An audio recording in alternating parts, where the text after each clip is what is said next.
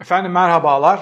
Türkiye'de gazetelerde iki köşe çok az okunur. Birincisi dış politika ile alakalı köşeler, ikincisi ekonomi ile alakalı köşeler. Zira ikincisi de bir teknik altyapı ister konuyu, mevzuyu anlayabilmeniz için. Ve insanlar işte spor sayfasına göre, iç politik tartışmalara göre, kulis bilgilerine göre bu iki köşeyi daha az okurlar. Peki ben bunu size niye anlatıyorum? Şundan dolayı uzun zamandır şunun altını çizmeye çalışıyorduk. Lütfen muhalefet partileri sadece güçlendirilmiş parlamenter sistemi markalaştırarak onunla birlikte merkeze yürüyemez, seçimde çok büyük başarı elde edemezsiniz. Bu elitist bir tartışma olarak geliyor halka. Evet, çöküşün sebebini yanlış olarak, çok yanlış olarak başkanlık sistemine dayandıran kitleler doğrudur. Parlamenter sistemi satın alıyor ama sırf muhalefet parlamenter sistem vaat ediyor diye onların arkasına takılacak, onlara güvenecek durumda değiller. Peki ne diyorduk? Markalaştırılmış bir ekonomi programı açıklayın. Bundan kastım şu. Ekonomi köşelerinin okunmadığı gibi, dış politika köşelerinin okunmadığı gibi detaylar, rakamlar, istatistikler, programlar, işte subvensiyonlar, ödeme dengeleri gibi kavramlara boğulmuş ekonomik programları da seçmen satın almıyor. Markalaşmıştan kastım şu. Akıllarında 3-4 cümle kalacak. 3-4 cümle. Ne diyordu şey e, Cem Uzan?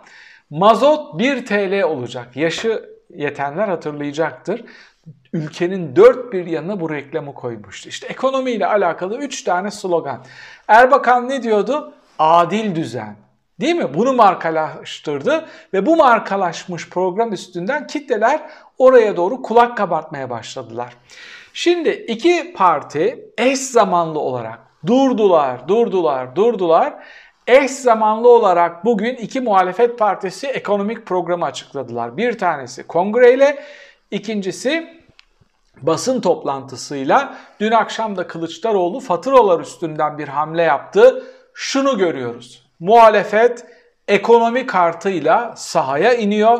Ben de muhalefetin sahaya inerken gösterdiği ekonomi kartını, programlarını ve performanslarını özetliyorum.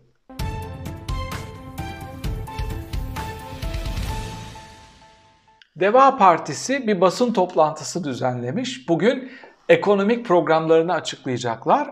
İyi Parti de aynı gün ve eş zamanlı olarak bir kongre düzenleme kararı aldı. Şimdi bunlar tabii koordineli yapılmalı. Yani bunu kasten mi yaptılar bilmiyorum. Biraz da kasten vari bir şey var orada. Çünkü bu eş zamanlı toplantılarda Meral Akşener çıktı. Babacan'ın da yönettiği dönemi kastederek aslında AKP'nin öyle büyük bir ekonomik performans sergilemediğini söyledi. Babacan da buna cevap vermek zorunda kaldı. Kibarca bir cevap vermiş Babacan. İşte o dönemin artılarını eksilerini birlikte hesaplayıp istifade edebileceği şeylerden istifade etmeli gibi oldukça profesyonel bir cevapla geçiştirmiş bu iki partiyi birbirine düşürebilecek hamleyi.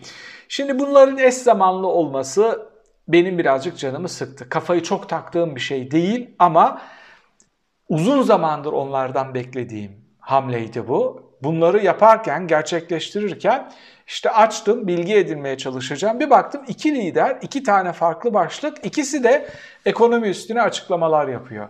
Çok güzel, yani bunları yapıyor olmaları çok güzel ama eş zamanlı olmalarına takıldım. Görünen o ki İyi Parti, Deva Partisi'nin önceden deklare ettiği basın toplantısının saatine ya da aynı güne neyse kongreyi koymuş. Bunlara hiç gerek yok. Bir görebildiğim şu, İyi Parti ve AKP'den kopan Gelecek ve Deva Partileri arasında e, kararsız, tarafsız, kararını verememiş seçmen kitlesi üstünde bir tatlı bir rekabet var. Oradan daha büyük pastayı kim nasıl alabilir diye hamle üstüne hamle yapıyorlar.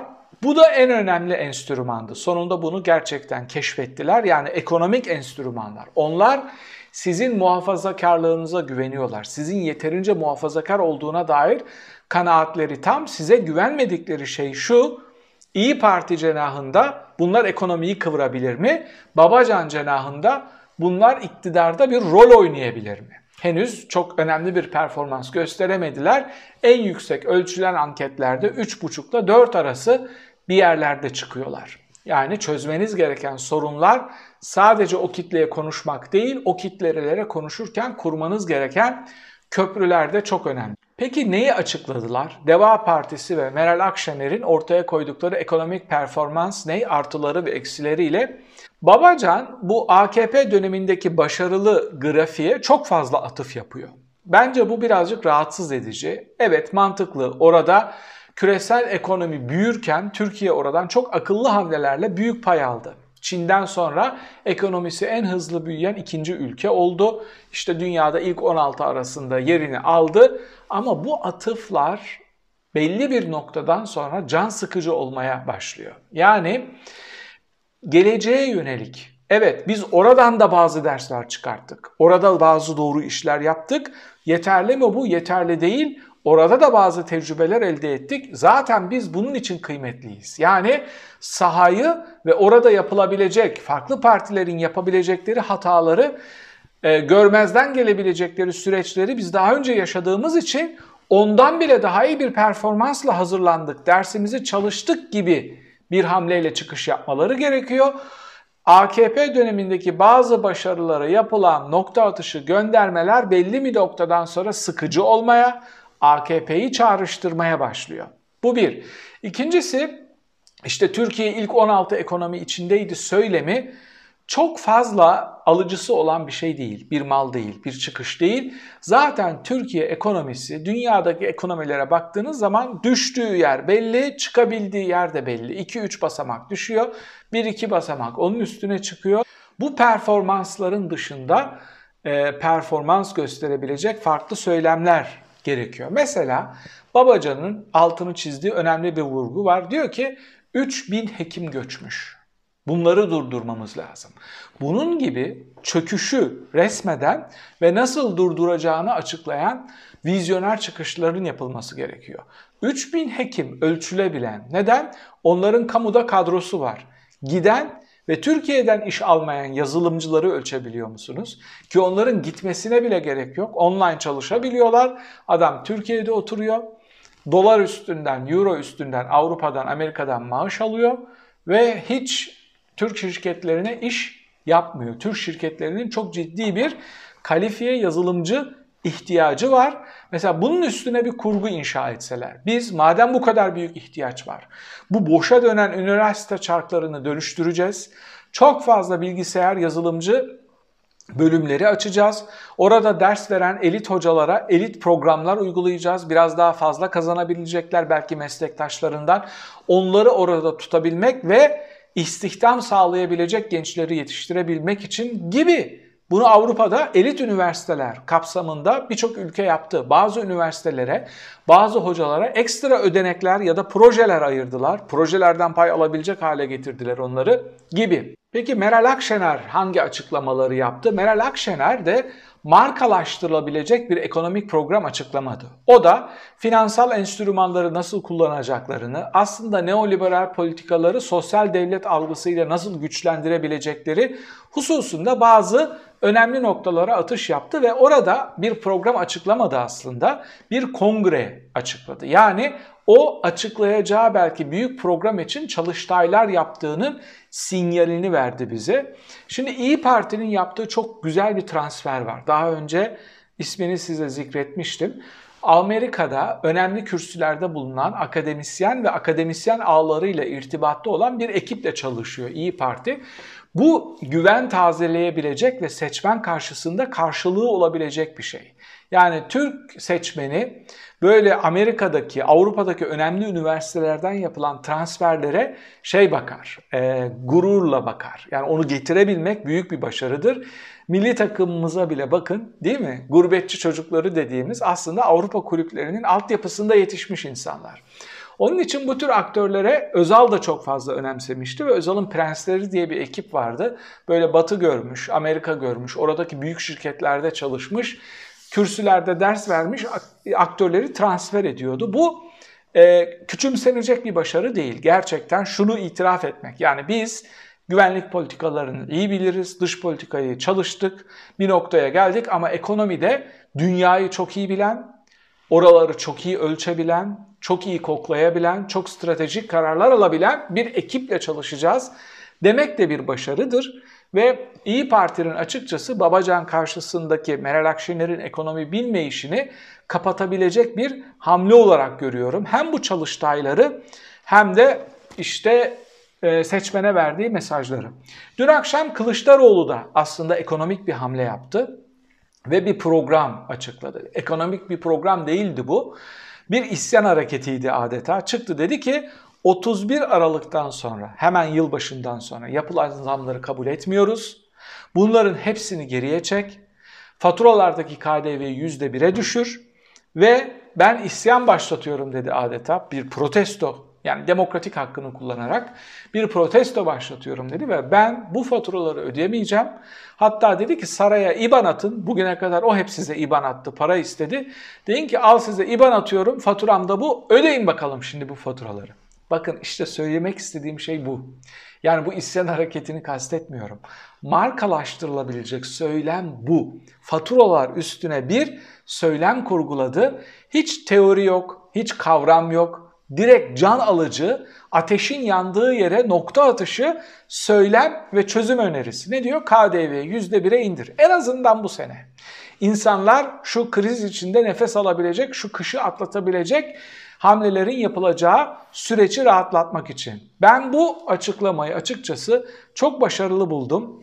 Ee, güzel bir hamleydi. Ne kadar netice alır, CHP'ye ne kadar puan kazandırır bilmiyorum ama buradan şunu söyleyebiliriz. Ee, AKP de hamle yaptı aslında faturalar üstünde. O deha bir şeyleri var onların, milletvekilleri. Ee, Ahmet Çamlı yanılmıyorsam, sizin Yeliz olarak bildiğiniz milletvekili.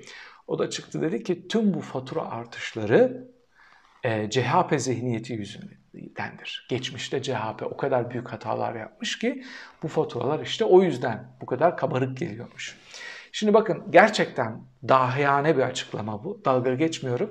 AKP'nin yapabileceği tek söylemi yapmış. Tek çıkışı sergilemiş. Kimlik siyaseti üstünden kendi muhafazakarlığa tapınan kitleleri tekrar kendi etekleri altında toplamaya çalışmış.